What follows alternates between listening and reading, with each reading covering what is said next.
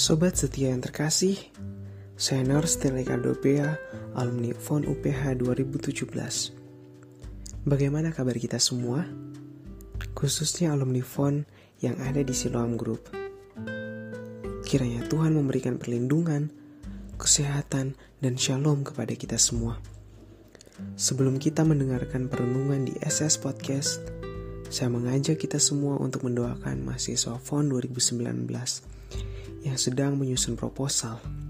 Biarlah Tuhan menolong sehingga proposal boleh selesai pada waktunya. Dan bagi sobat setia yang memiliki pokok doa, silahkan menginformasikan kepada Pak Luke untuk bisa didoakan bersama-sama. Nats kita dari 1 Petrus 3 ayat 13 sampai ayatnya yang ke-22 yang akan dibacakan oleh Stephen Baradita. Terima kasih Stephen untuk supportnya. Kiranya Tuhan memberkati kehidupanmu, masa depanmu, dan memakai pekerjaanmu menjadi kepanjangan bagi kasih Tuhan kepada setiap pasien yang engkau layani. Shalom sahabat-sahabat Kristus. Izinkan saya untuk membaca firman Tuhan yang terambil dalam 1 Petrus 3 ayat 13 sampai dengan 22 di bawah perikop menderita dengan sabar.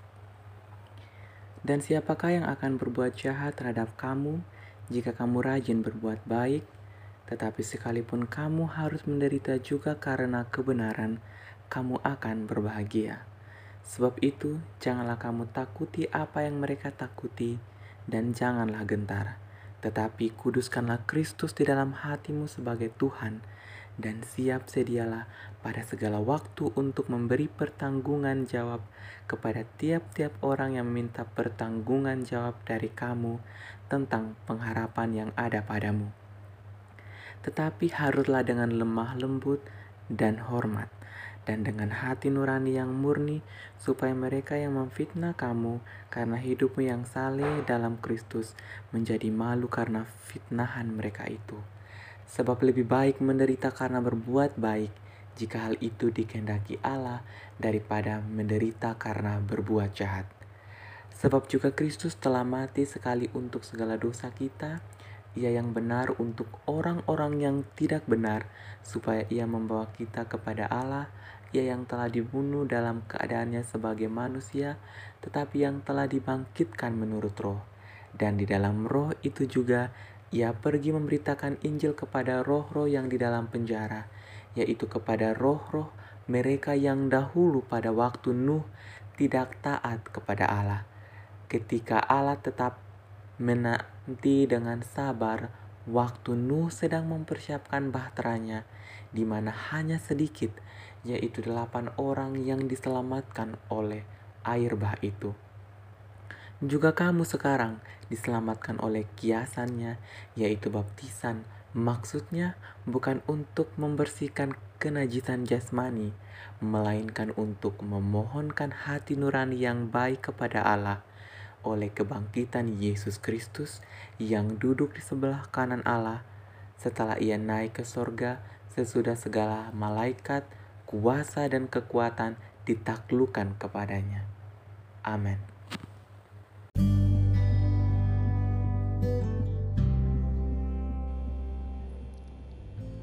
Sekali lagi terima kasih kepada Stephen yang telah membacakan nats buat kita dan juga terima kasih kepada Steel Ricardo yang akan berangkat melayani di Papua dalam beberapa waktu ke depan sebagai nurse.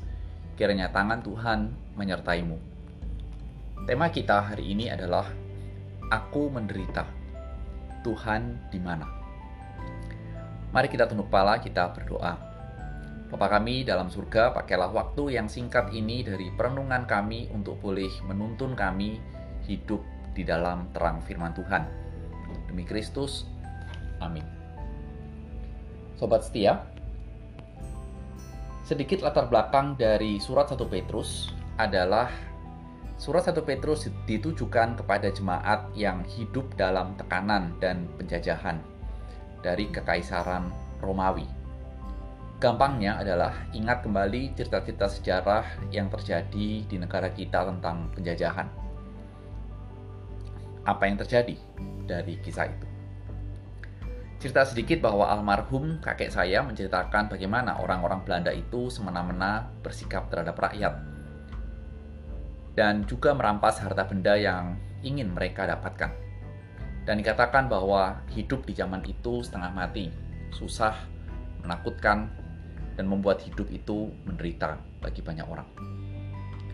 Hal inilah yang kira-kira bisa menjadi gambaran kita ketika kita melihat hidup dalam sebuah penjajahan dan itu sebuah kenyataan yang harus dijalani oleh orang-orang yang hidup pada saat itu di bawah penjajahan, day by day setiap hari.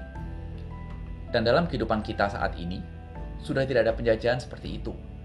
Namun yang namanya menderita, hidup menderita, silakan sendiri definisikan apa arti dari menderita itu, seperti apa dan sebagainya.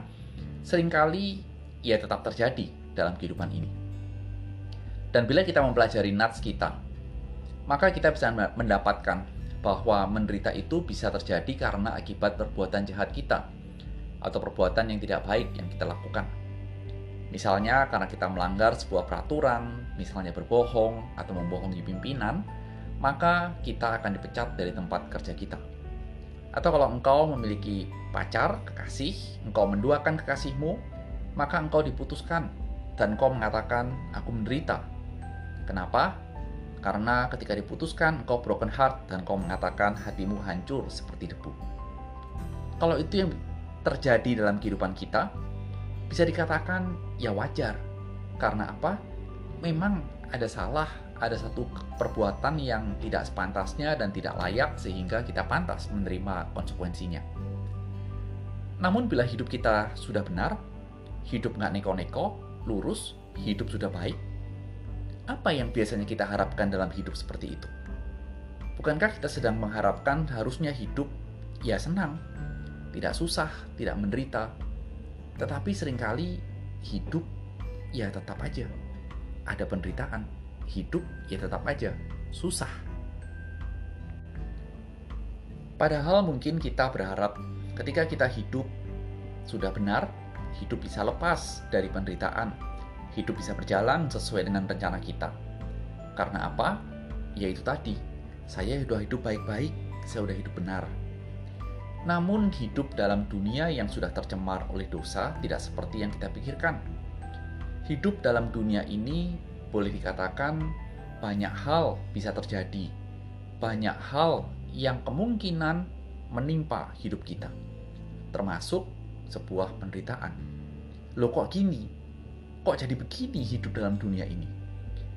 Memang seharusnya ketika kita berbuat baik, hidup benar, tidak ada orang yang akan menjahati kita. Itu di ayat 13 dikatakan. Tetapi tetap mungkin hidup kita itu mengalami penderitaan meskipun hidup sudah benar. Camkan ini. Dan kalau itu terjadi, Alkitab kita mengatakan janganlah kita menjadi takut dan janganlah kita gentar. Di ayat 14 ditekankan hal itu. Sobat setia perhatikan, sebuah pola kehidupan yang diajarkan oleh Kristus. Pola yang sama juga dijalani dan dihidupi oleh Kristus. Kita tahu Kristus tidak berdosa, namun harus menjalani penderitaan sampai mati di kayu salib. Itu muncul di ayat 18. Sebuah pola yang meruntuhkan konsep hidup orang benar, hidup baik seharusnya lancar. Tidak ada pola seperti itu. Tidak ada konsep 100% seperti itu. Dan bila kita tahu konsep ini, kita tahu pengajaran ini, ada satu hal yang terjadi menjadi pergumulan kita dan pertanyaan kita. Di mana ada saat ketika kita menjalani hidup yang sulit, hidup yang kita rasa menderita, kita bertanya, di mana Allah ketika aku menderita? apa yang Allah lakukan ketika aku susah? Bukankah itu juga yang menjadi pergumulan dalam tokoh-tokoh dalam perjanjian lama? Ada banyak tokoh perjanjian lama yang seperti itu. Dan kalau kita pelajari tokoh-tokoh dalam perjanjian lama yang bergumul seperti itu, ketika mereka bertanya di mana Tuhan, ketika mereka susah, mereka tahu secara pemahaman bahwa Tuhan ada di tahtanya. Itu 100% tahu dan Tuhan tetap memperhatikan umatnya. Itulah sebabnya sebuah pertanyaan yang dilontarkan menjadi sebuah ungkapan dari isi hatinya, dari keyakinannya, dari harapannya bahwa Tuhan ada, Tuhan bertahta, namun kenapa Tuhan diam? Itulah yang menjadi pertanyaan. Itulah yang menjadi pergumulan. Mengapa Tuhan diam dan tidak membebaskan kita dari penderitaan fisik di dunia ini? Sobat setia, kita akan bebas secara fisik dan tidak mengalami penderitaan secara fisik, lelah, sakit, capek, dan lain-lainnya adalah ketika kita mati secara fisik. Tuhan bukan tidak bisa membereskan itu, Tuhan bisa. Namun yang lebih penting dari itu semua, yang Tuhan bereskan adalah masalah kekekalan. Dia membereskan jalan kita menuju Bapa ke surga. Dan tugas kita adalah melewati kehidupan yang mungkin penuh dengan penderitaan ini dengan tidak hilang harapan kepada Kristus. Pegang ini, camkan ini. Dengan tidak hilang harapan kepada Kristus itulah yang menjadi kekuatan kita. Ketika kita tetap ketika kita menghadapi kesulitan, penderitaan. Ketika kita tetap bertanya di mana Allah? Allah ada menyertaimu setiap hari. Dan itu terbukti ketika Allah masih memberikan kepada kita hidup dan kemampuan bernafas dalam hidup ini. Sobat setia, inilah kehidupan kita. Dan itulah Allah yang senantiasa menyertai kita. Di mana Allah? Allah menyertai. Selamat hari Selasa dan tetaplah berharap kepada Kristus meskipun hidup sangat sulit.